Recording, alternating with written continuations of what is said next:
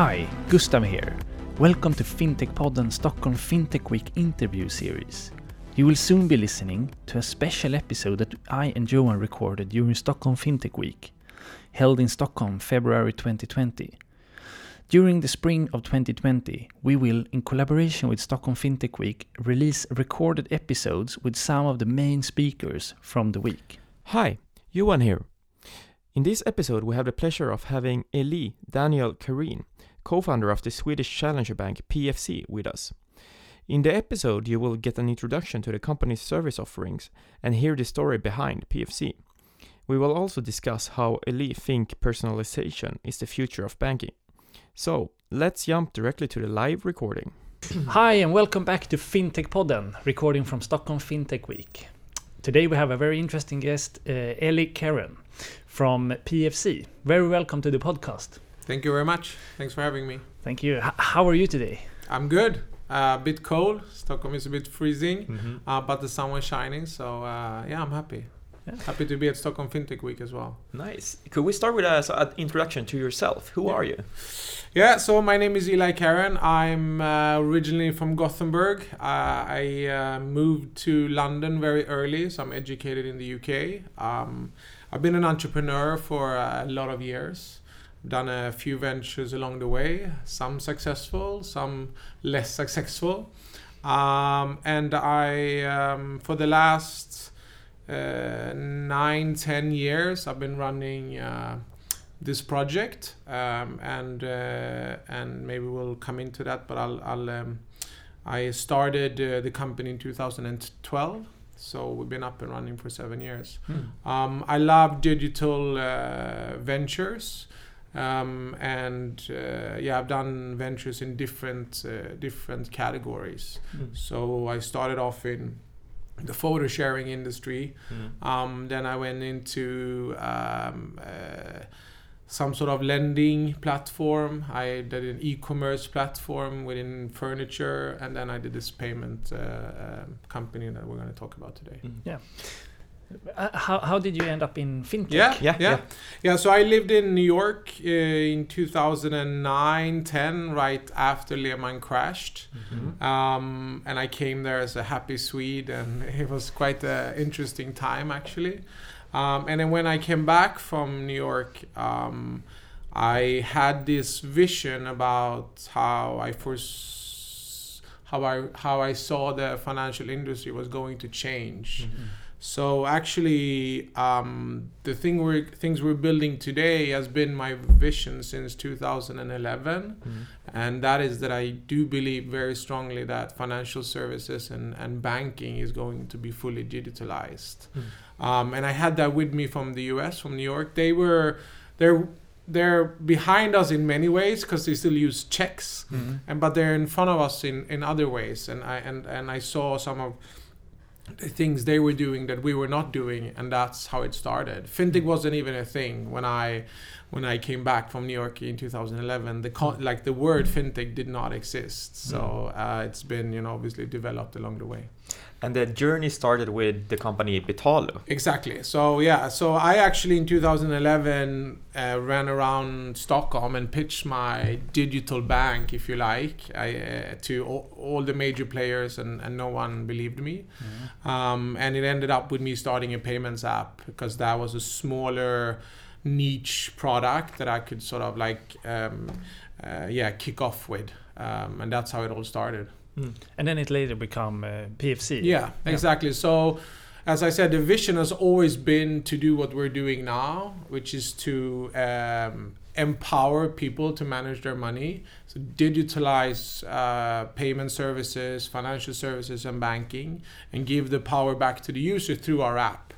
Um, and it started really to kick off in 2015 16 we started to build our team we raised some money at end of 17 which gave us the opportunity to to do what we're doing.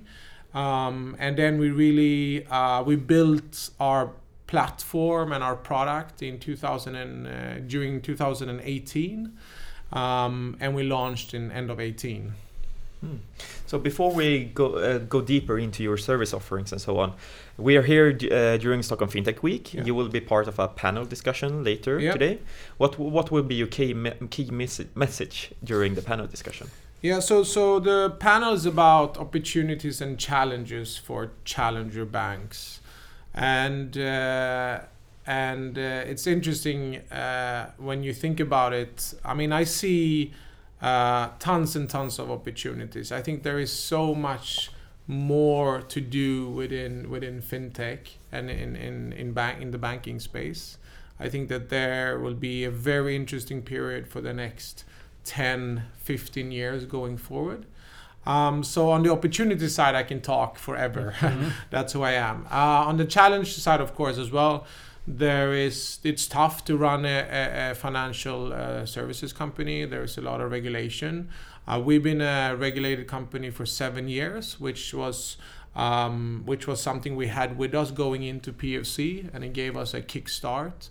Um, and uh, I mean, there's uh, a lot of challenges. I mean, being in Sweden is a challenge because it's a small market, um, and there is a lot of talks about uh, you know scalability and, and, and how do we how do we scale this across Europe and or, or even global, or can you?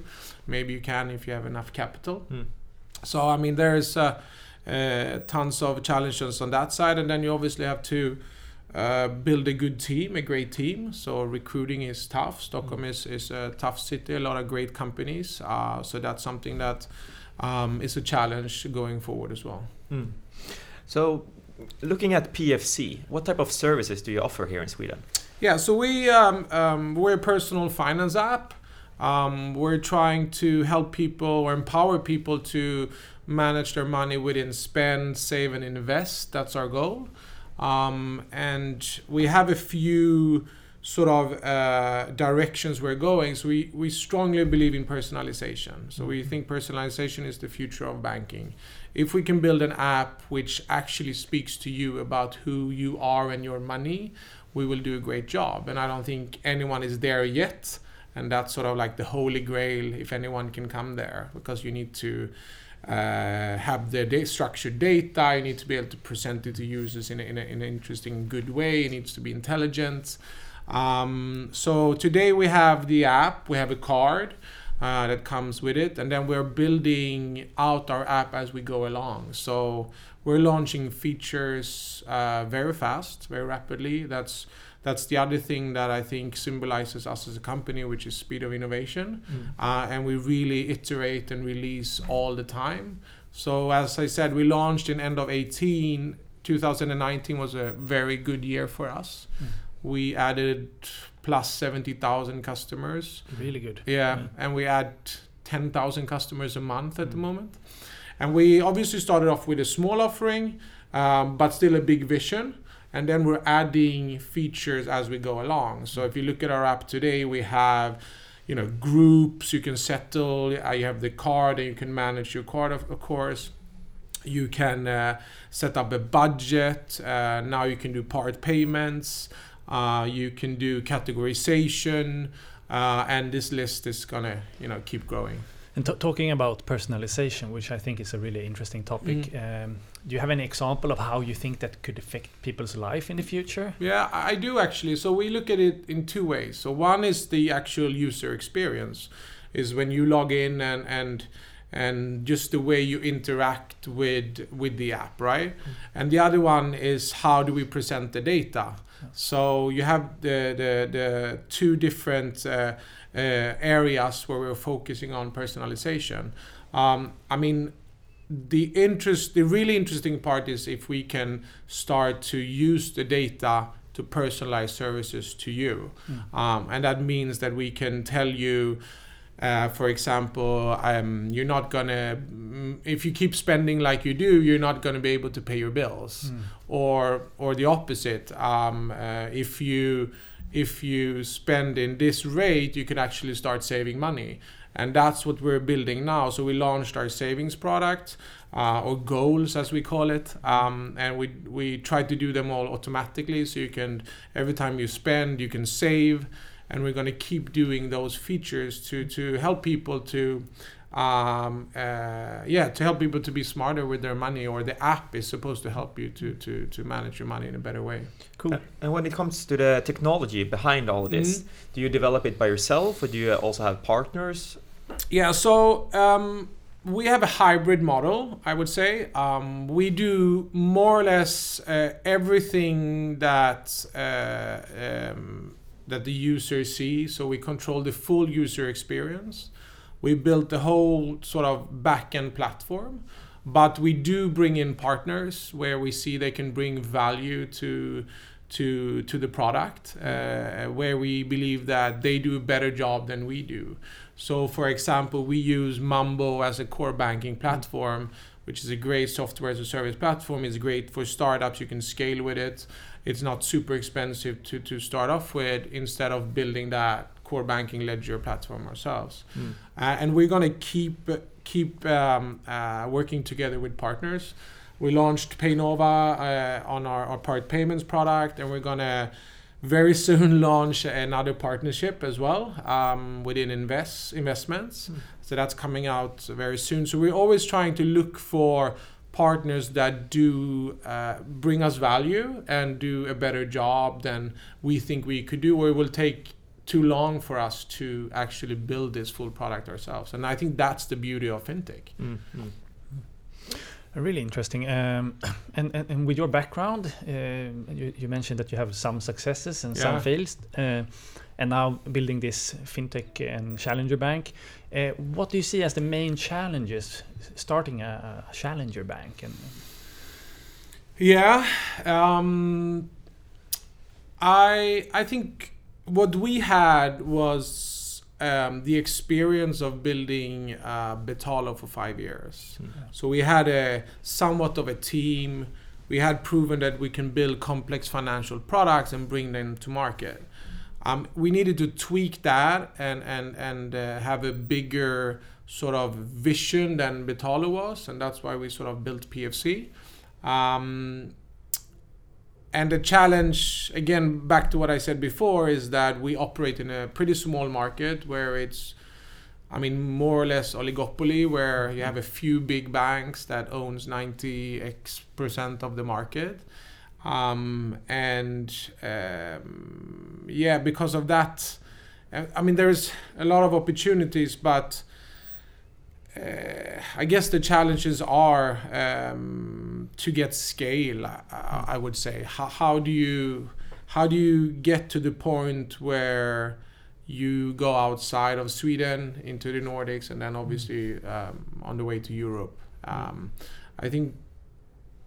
Yeah, somewhere down along those lines. But is it user acquisition or is it like following local regulations, local adoptions, or is it a combination of everything? I mean, running a company is, is hard.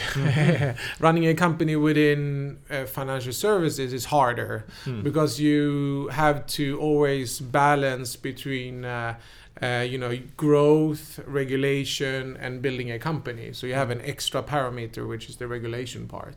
Mm. Um, so so that is it's tough. Uh, we've taken it very very seriously from day one. So we've we got our license the day we started the uh, the operations in in 2012, and we've spent a lot of money and time on on regulation. I think you have to. Um, so and I also think it's. Uh, I mean, if you if you look at it from the other side, it's it's also given us a lot of opportunity. So I mean, with the license, we are um, we are uh, allowed to manage money, um, and that has given us the opportunity to build the product the way we want, more or less. Mm. And then it's a question of how far do you go on that scale? I mean, are we becoming a bank? Should we become a bank? Do we want to become a bank? Uh, I think those questions are, are questions that we ask ourselves. Mm. And uh, looking here in the Swedish market, like what uh, are you t- a main target audience here? Like what type of Mm. users do you Mm. target? Yeah, so we target everyone who's 18 to 45. Hmm. That's uh, that's the um, the group we're looking for, and as we grow the product, we're trying to expand that. So soon we will launch family accounts, for example, which means that we will obviously go maybe a bit outside of the target group that we today acquire.